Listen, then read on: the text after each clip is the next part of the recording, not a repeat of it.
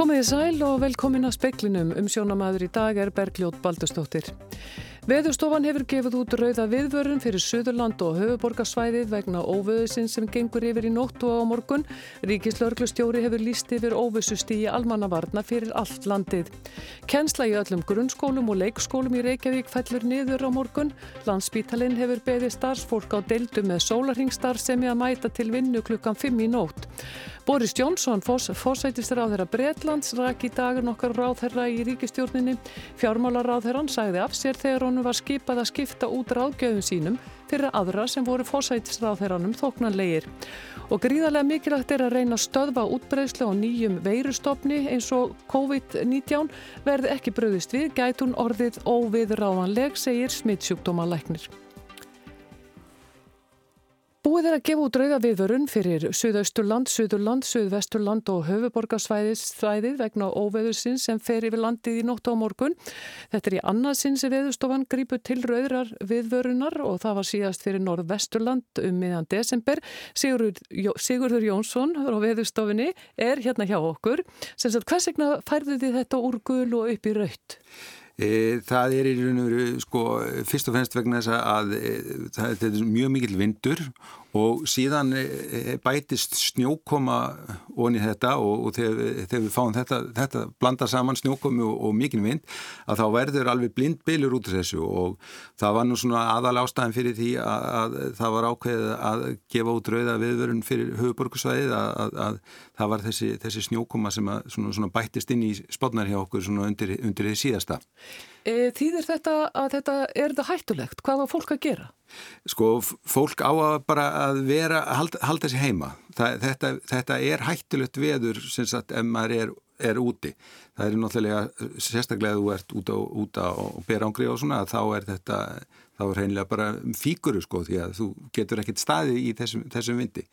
E, það eru náttúrulega svona ymsi staðir í sem eru náttúrulega minna, minna hættulegir og, og inn í borginni og svona þá er það sem er mikið þjættbíli og svona þá eru ábyggilega sumir staðir sem að verða, verða svona rólegri heldur, heldur en aðrir og sérstaklega eins og kannski í efri byggðum og svona þá, þá verður mjög, mjög kvast og og nú er hálka úti og, og bílar gæti þess vegna alveg, alveg farið að stað svona á, á svona vestu vindstöðunum. Og hvernig gengur þetta svo niður?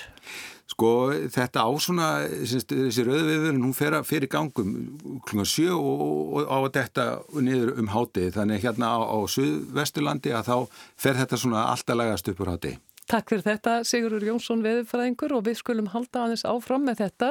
Ríkislauruglustjóri líst yfir óvissust í almannavarna fyrir all landi fyrir í dag. Ákvörðuninn var tekin í samráði við alla lauruglustjóra landsins og í samræmi við veðurspá veðurstofi Íslands. Rögvaldur Ólásson, aðgerðastjóri á samhæfinga almannavarna. Hvaða viðbúnaður er hjá ykkur vegna óveðusins? Já, við erum búin að lýsa yfir óvissusti fyrir all landið út af þessu veðri og, og samhangastöðin verið virkjur frá miðnætti og síðan verið aðgerðstjórnir viðar land sem verið líka virkjar hérna svona eftir því hvernig veðri kemur þar yfir hvert undan og, og byrja að, byrja að hafa áhrif. Uh, eigum við að sagt, leggja áherslu á það að brína fyrir fólki að vera heima og halda sig heima eins og hann sagði hann Sigurður? Já, við tökum alveg undir það hérna að fólk hefur tök á því og, og það er ekki nöðsynlega verið að ferðinja þá er þetta upplægt að nota tækifærið og, og vera bara heima og, og taka í rólega. Hvað, hvað á fólk að gera ef það er rætt? Á það að vera á einhverjum ákveðnum stöðum eða hvernig á það að bregðast við því? Mm, það, sagt, ef fólk er heima sér og er eitthvað rætt um, um að veðrið sé að fara að ganga inn að verða hlið með einn í húsinu og kalla eftir aðstæðu og heldur sé eitthvað brott með einhver svoleiðis og ekki þetta að feimið það, ringja bara meðalinna Það er náttúrulega fullt af fólki tilbúið til þess að bregast við. Björgun setur er í viðbrastöðu og lögur með að vera færðinni og, og sagt, reyna að allir viðbrastalar reyðbúinu til þess að hjálpa. Og aðeins bara um rafmagnið, við, er, við, er hægt á því að það gefið sig raforkukerfið? Það gæti gert það. Við erum búið að vera eitthvað tröflanir á því og en við erum búin að funda með raforkufyrirtækjunum og fjarskiptufyrirtækjunum Það sem bara farið í stöðuna með þeim, hvers er að vænta og, og hvaða viðbúna þau eru búin að setja í gang og, og það er öll fyrirtæki búin að gera ástafanir. Þannig að til þess að þau sem eru í ráorkuflutningi og annað búin að gera aðstæðan við þau með vinnuflokka sem eru úti í feltinu og eru tilbúinir að bregðast við það sem þau sjá fyrir sig að gera sér viðkvæmi staðir til þess að stýta þann tíma sem það tekur að bregðast við. Takk fyrir þetta Ragvaldur Ólásson hjá Almannavörnum og Kennsla í öllum grunnskólum og öllum leikskólum í Reykjavík fellur niður á morgun og eins og áður sagði er fólk beðið um að vera ekki á ferli að óþörfu. Lámarks þjónustaverður í frístundaheimilum fyrir börn þeirra foreldra sem nöysilega þurfa að mæta til vinnu. Sú þjónusta er helst hugsuð fyrir börn til dæmis björguna fólks, sjúkraflutningamanna, slökkvöldis fólks og heilbriði starfsfólks og landsbítalinn hefur beðið starfsfólk á deildum með sólarhingstarfsemi að mæta til vinnu klukkan 5 í nótt og leysa þá af næturvaktar starfsfólk. Starfsfólk sem þarf ekki nöysilega að koma til starfa í fyrramáli getur sinn störfum sínum heima eða beðið eftir að veður lægi. Þá hefur heilsugjastla höfuborgarsvæðisins felt niður alla bókaða tíma á morgun vegna óveðusins.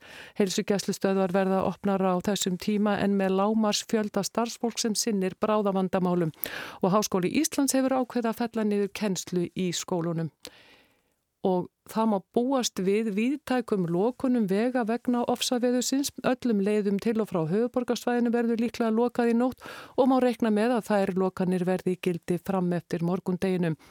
Ítalegar upplýsingar um veðrið og viðbúnað við því má finna á vefrúf og fréttastofarúf verður með vakt í alla nótt bæði á vefnum og á Rás 2. Og þá skulum við breyða okkur til útlanda.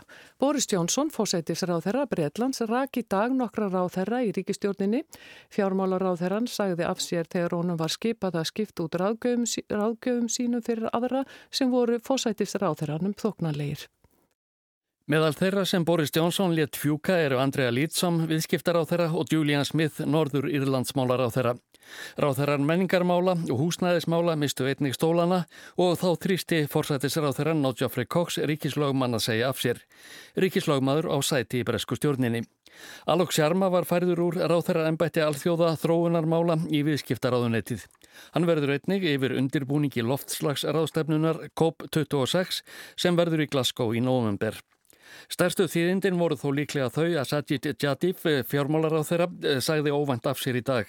Boris Johnson hafði farið fram á að hann eh, ræki alla ráðgjafa sína sem Javid sagði að engin ráð þeirra með sjálfsvirðingu geti sætt sig við. Að sögn breskra fjölmiðla hafði samstarf fjármálar á þeirrans og forsetisar á þeirrans verið með ágætum en Dominic Cummings, aðalráðgjafi Johnsons, hafði haft horn í síðu Javids. Ásker Tómasson sagði frá. Mikil fjöldi skjala sem fannst ekki þegar innri endurskoðun kannadi framkvæmdir við Bragga í Nautólsvík byrtist á málaskrá eftir að borgarskjalasab Reykjavíkur hóf frumkvæðis rannsókna á málinu.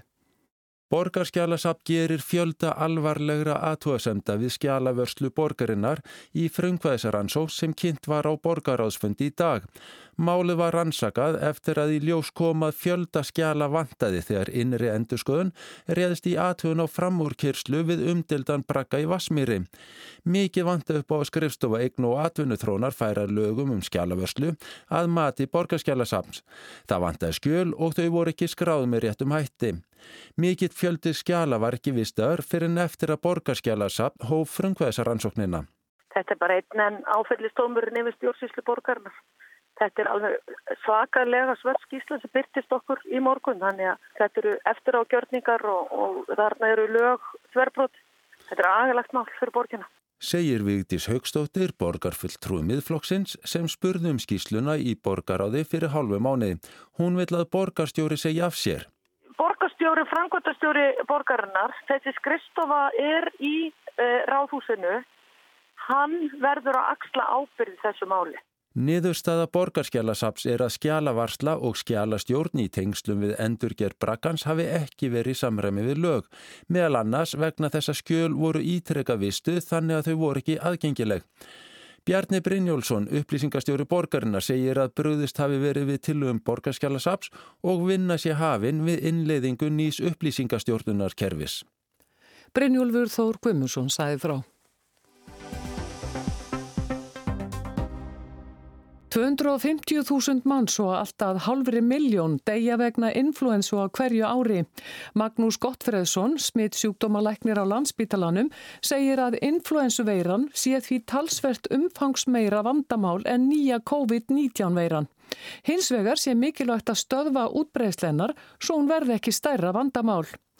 Þeim fjölgar stöðugt sem látast af völdum koronaveirunar COVID-19 á heimsvísu. Veiran er upprunnin í Húbæ hér að í Kína og þar létust yfir 240 manns í gerkveldi. Borið hefur á því að fólk líki þessum faraldri við spænsku veikina fyrir um 100 árum. Magnús segir að of snemt sé að tala um líkindi millir þessara faraldra því enn sé ekki ljóst hvernig COVID-19 á eftir að þróast. En sem komið er, er reynslafinni nánast bundin við eitt hérað í Kína. COVID-19 og influensuveiran sem allir spænskuveikinni eigi það sameinlegt að vera nýjir stopnar af tiltölulega smitandi veirusíkingum.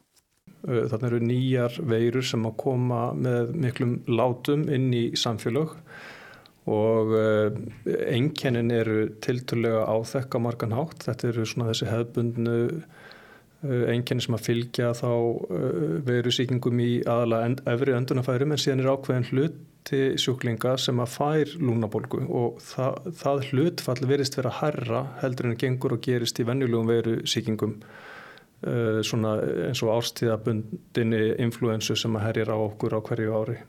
Ekki sé vitað hversu margir sem smitast af COVID-19 verða veikir. Enkennennar og flensuveiru séu svipuð. Allmargir gætu hafa fengið léttvæg enkenni af COVID-19 og ekki leita læknis og því er engöngu verið að skoða hlut af myndinni. Spænska veikin hafi gengið í þremur bylgjum. Þegar hún braust út var hún væg en setni bylgjan skall á með fullum þunga um haustið og þá hafði veiran breyttu meðli. Hvort að það er eitthvað svoleiðis á ferðinni núna, það er bara einfallega snemt að, að segja. Við þyrtum í raun og veru að geta mælt mótefni gegn þessari veru í stórum hópum til þess að kanna hvort að fólk hafi hugsanlega smittast en, en ekki veikst alvarlega. Spænska veikin var flensuveira sem er ólíkað eðli og uppbyggingu koronaveira. En uh, það er eins og mjög vel þekkt að, að svip, ólíkar, eðlis ólíkar veirur geta hins vegar valdið svipuðum enkennum og ástæðan fyrir því er svo að, að líklega er stór hluti af okkar engjannum uh, og sjúdómsmynd um, afleiðing af viðbröðum ónumiskerfisins og ef ónumiskerfi bregst eins við, hvort sem að veiran heitir influensa eða koronaveira að þá auðvitað, getum við ekki greint á milli nema það bara með því að, að gera sérstaklega nákvæmlega rannsóknir á lífsínum og, og reyna að finna veiruna frá þessum einstaklingum. Mikil umræða hefur verið um ástandið á landsbítalanum, skort á starfsfólki, bráðamóttökuna og ófullnægjandi einangrunnar aðstöðu þar. En viðbröð uh, farsóttanemdar og, og, og uh, þeirra sem að stjórna spítalanum miðast þá við það að ef sterkur grunur leikur á að um sig að ræða einstakling sem er veikur uh, og þarnast innlagnar inn á sjúkrahús að þá verður leitast við að taka viðkomandi inn á uh, smittsjótumadeild uh, fram hjá bráðamáttökunni og það er lagt upp með það eins og staðinni í dag. Á síðustu árum hafa Íslendingar fengið að kenna á nokkurum faraldrum, faraldrinum 2002-2003, svínaflensu faraldri 2009 og síðan ebóla faraldrinum. Í öllum tilvikum var þörf á undirbúningsvinnu á vegum almannavarna, sótvarnalæknis og einnig á landspítalanum. Þessi undirbúningur skili sér nú. Magnús vonar að Íslendingar séu betur í stakkbúnir að takast á við svona faraldur en þegar að spænska veikin geysaði.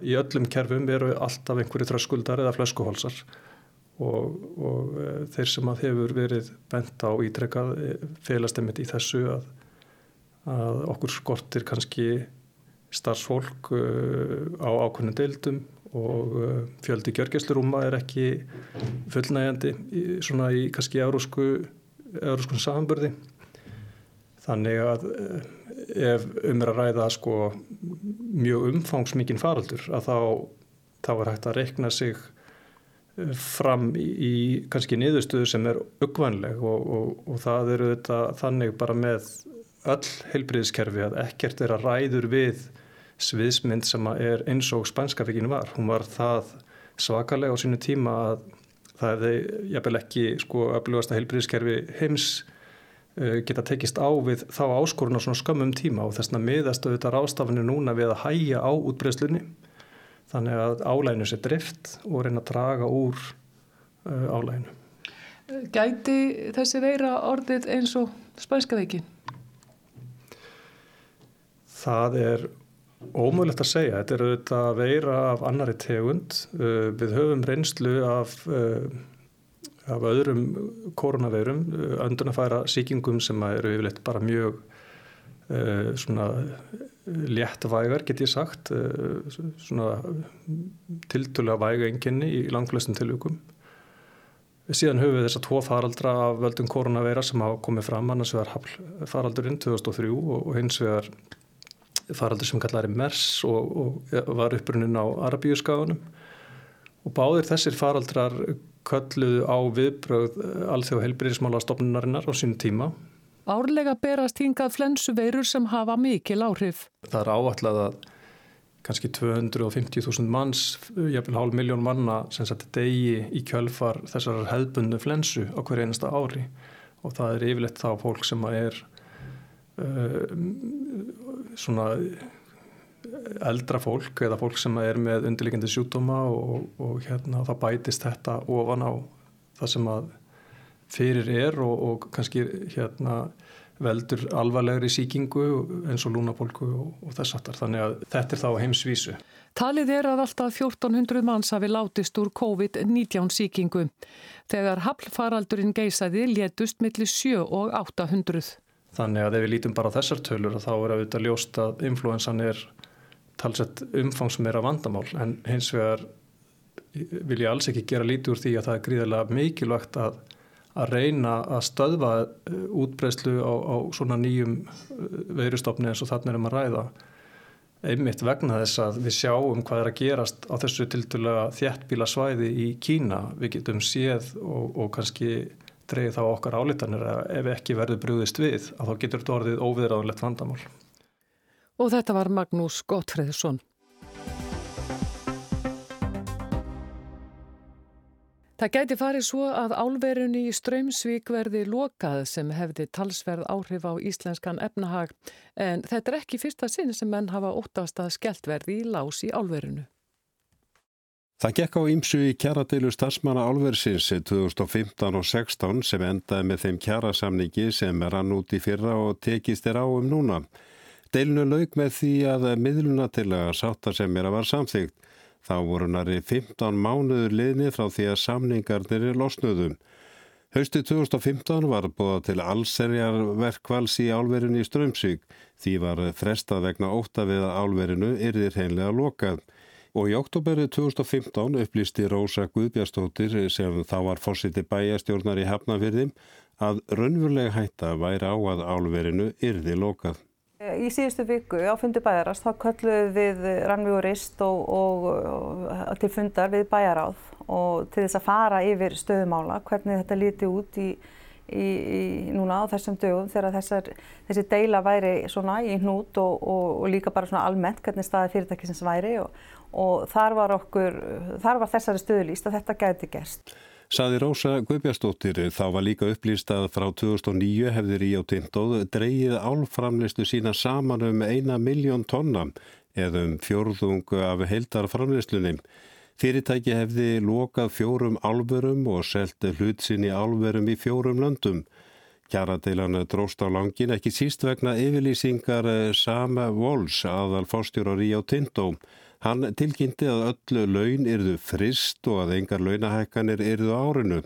Þetta náði til andra fyrirtækja Ríó Tintó. Hann saði þetta erfiða ákvörðun en nöysilega í ljósi markas aðstæðna. Kjara til að starfsmanna helt og áfram sett var á útflutningsbann sem tekist var á um tíma. En þetta var ekki fyrsta sinn sem tekist var á í álverinu um kjaramál. 1990 var háð hörði kjarabaróttar sem laug með því að sáttasemeri lagði fram miðlunatilugun. Bóða hafði verið verkvall og byrjað var að læka hitan í kjeránum í álverinu til að undirbúa algjöra stöðun. Það var líka fullirt að ef til þess kæmi erði álverið ekki ræsta nýjum. Það þótti líka rýma við ástandi sem ríkti á álmarkaði, álverðið var í mikill í lagð. Jakob R. Möller, þáverandi starfsmannarstjóri álversins, neytaði því alfarið að tilheði staðið að skella í lás. Þessar getgátur eru alrangar.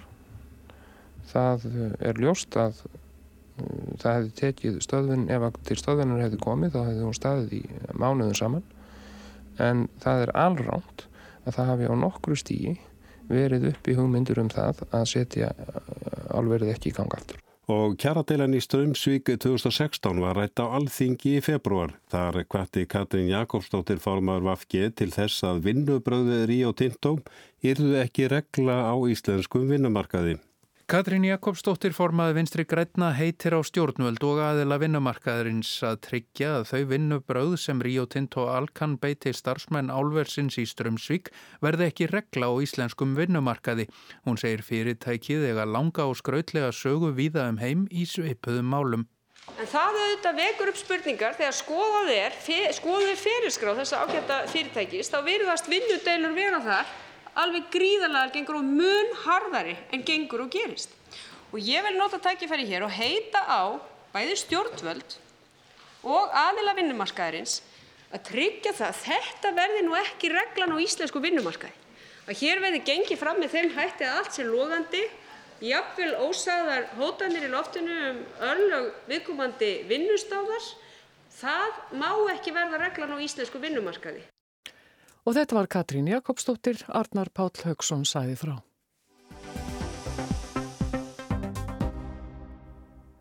Þjálfun sjómanna, betri skipakostur, öflug björgunar við bröð og ekki eins grimm sokn og áður var. Öllu þessum á þakka að ekkert banaslis var til sjós við Íslandi fyrra og var það þriðja árið í röð sem svo giftusamlega fór, segir Hilmar Snorrason, skólastjóri í Slisavarnaskóla sjómanna. Já, við erum í brúni á skólaskipinu Sæbjörgu sem er húsnæði Slísafarnarskóla sjómana og hérna erum við búin að vera frá því að kvalferðargöngin opnuðu og þá fengum við þetta skip gefins frá ríkistjórninni þannig að hér hefur við búið vel um okkur og e, þetta er fræðasettur fyrir sjómen í öryggismálum. Hversu margir koma hérna á námskeið og hafa svo til allir sem eru til sjós núna komið hér? Það er að koma svona 2000 manns á ári, svona meðaltali myndi ég segja. Við höfum alveg farið upp í 3000 og neyri svona 17-1800 en uh, allir þeir sem er á sjó þurfa að taka námskeið og það er að segja grunnnámskeið og síðan uh, endumöntun á 5 ára fresti.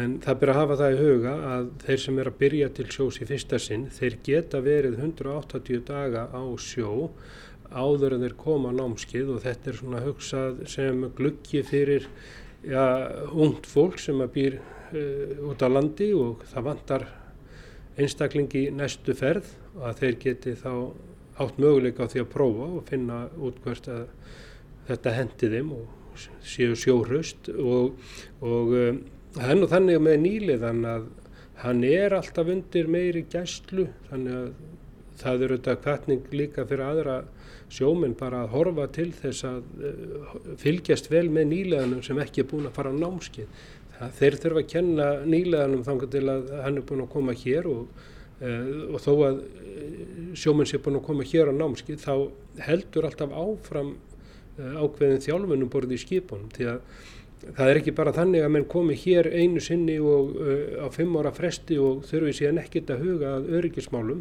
Þetta er verkefni hvers einasta dags um borðið í skipum og þar þarf að halda æfingar og og eh, vera að fylgjast með að hluti sé í lagi. Þannig að það er, að, það er að, að mörgu að huga í öllu þessum eh, stóra öryggispakka og því að eins og í þessum skóla hér þá hef ég á þeim 29 árun sem ég hef búin að vera hér aldrei útskrefað einasta nefnda því að maður útskrefast aldrei í öryggismálum. Tveir fórust árið 2016. Frá aldamótum er það sex ár þar sem enginn fórst við störf til sjós og uh, það eru þetta mikil breyting, við sáum þetta fyrst 2008 eh, og svo 11 og 14 og núna 17, 18 og 19. Uh, ég hef nú líka bent að það við megum heldur ekki gleyma okkur í unnum sigurum þó að þetta séu gríðarlega góð, góður árangur sem að náttúrulega fyrst og fremstu sjómanum að þakka, hann hefur sannarlega nýtt sér þær öðlindir sem hann hefur til þess að vinna að öryggismálum sínum um borði í skipunum. Jú, öryggisfræslan, hún skiptir auðvitað talsveit miklu máli að, að mínu mati að, og bara miklu því að það er sannarlega þannig að öryggisvitund sjómana hefur aukist og þá vinna þeir úr öðrum þáttum eins og til dæmis það eru betri veðurspár, það er engin spurning og menn eru farnir fyrir var heldur en kannski menn gerðu, það kom ekki, veðrin kom eiginlega ekki aftan að mönnum lengur og eiga ekki að gera það. Uh, við erum á betri skipum, nýri skipum en það er líka fullt á gömlum skipum og, og litlum uh, bátum á sjó allir, það er ekki stærðin sem kannski endilega ræður heldur er það góð sjómennska sem skiptir mestu máli. Við erum með uh, líka uh, öflugar bjargir þannig að menn komast fyrir til manna, við erum með gott eftirlit eins og tilkynningarskildi íslenskra skipa, það er fylgst með skipum og sjó Við erum með öflugar þyrlur og, og uh, varskip og björgunarskip þannig að það er, það er víða sem að kemur að. Skipa kosturinn uh, er að sjálfsögðu þessi stóra bylting hjá okkur að vera endur nýja mikið fiskiskipaflota núna. En ég hef svolítið verið að vekja til umhugsunar um það að þegar að menn er að fá nýju og góð skip og fallega og koma beint og skipasmiðastöð að þá oft vilja menn kannski taka gamla vinnulegi með sér, taka gömlu síðina staðan fyrir að fara um borði í skipið eins og nýliður og byrja bara að læra upp á nýtt að því að þeir eru konar nýtt skip með nýju umhverfi og það er mikil slísa þetta sem getur skapast þegar menn taka gömlu síðina með sér og, og, og þilingar sér ekki nýtt vinnulag á nýju skipum. Er sóknin ekki eins hörð og var heldur? Já, það er alveg, uh, held ég, nokkuð ljóst að eins og uh, kvótamálin eru að þá uh, er kannski sóknin ekki eins grimm eins og var hér áður fyrir þegar voru vilt að veiðar. Og núna er það þannig að menn gefa sér tíma til að fara í var. Og ég minnist þess fyrir mörgum árum síðan þá var ég nú sjálfur skipstjóri til sjós að Það heyrði ég viðtal við skýrstjóra sem var hérna vestur af landin og hann sagði þetta er, orðið, þetta er að verða svona nokkuð gott að þessi ekki kominir í átján vinsti og vinstin eru nú ekki náttúrulega 12 samkvæmt bjúfortskala og uh, mér fannst þetta nú svona eiginlega að vera kannski mæli hverða það að hann eða þetta verið lungu komin ykkur stærri var. Ég var allavega koni var þar sem ég var stættur. Hilmar segir að þrátt fyrir upplugt viðbrað björgunarliðs og landhelgiskeslunar með ekki gleima því að aðri sjóminn sjó oftar en ekki þeir sem bregðast fyrst við. Það er að segja við erum með eftirliti tilkynningarskildum þar sem fylst er með skipum og ef að þau hægt að senda frá sem merkja þá er strax allir settir í viðbrastöðu sem að þetta segir okkur það líka að sjómar þarf að, að virða þennan eh, öryggisbúnað að hann sé í gangi hjá þeim og og tryggja það að skipin sé ekki að fara á sjónum að allar þessi örgisbúna sé í, í lægi og e, annað sem er líka mikilvægt þó við höfum þessi, þessa bjargir, öflugu bjargir þá er það líka hlustun á neyðartíðinu sjómana. Það er neyðartíðinu sem er rá 16 e, sem allir sjóman eiga að hlusta á.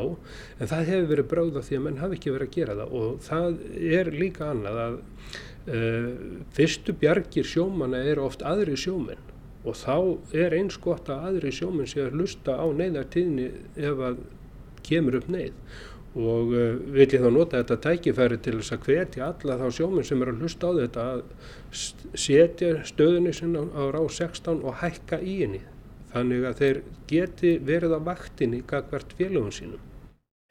Þetta var Hilmar Snorrásson, Anna Kristín Jónsdóttir talaði við hann. Og það var helst í speklinum í kvöld að veðurstofan hefur gefið út rauða viðvörun fyrir Suðurland og höfuborgarsvæðið vegna óveðursinn sem gengur yfir í nótt og á morgun.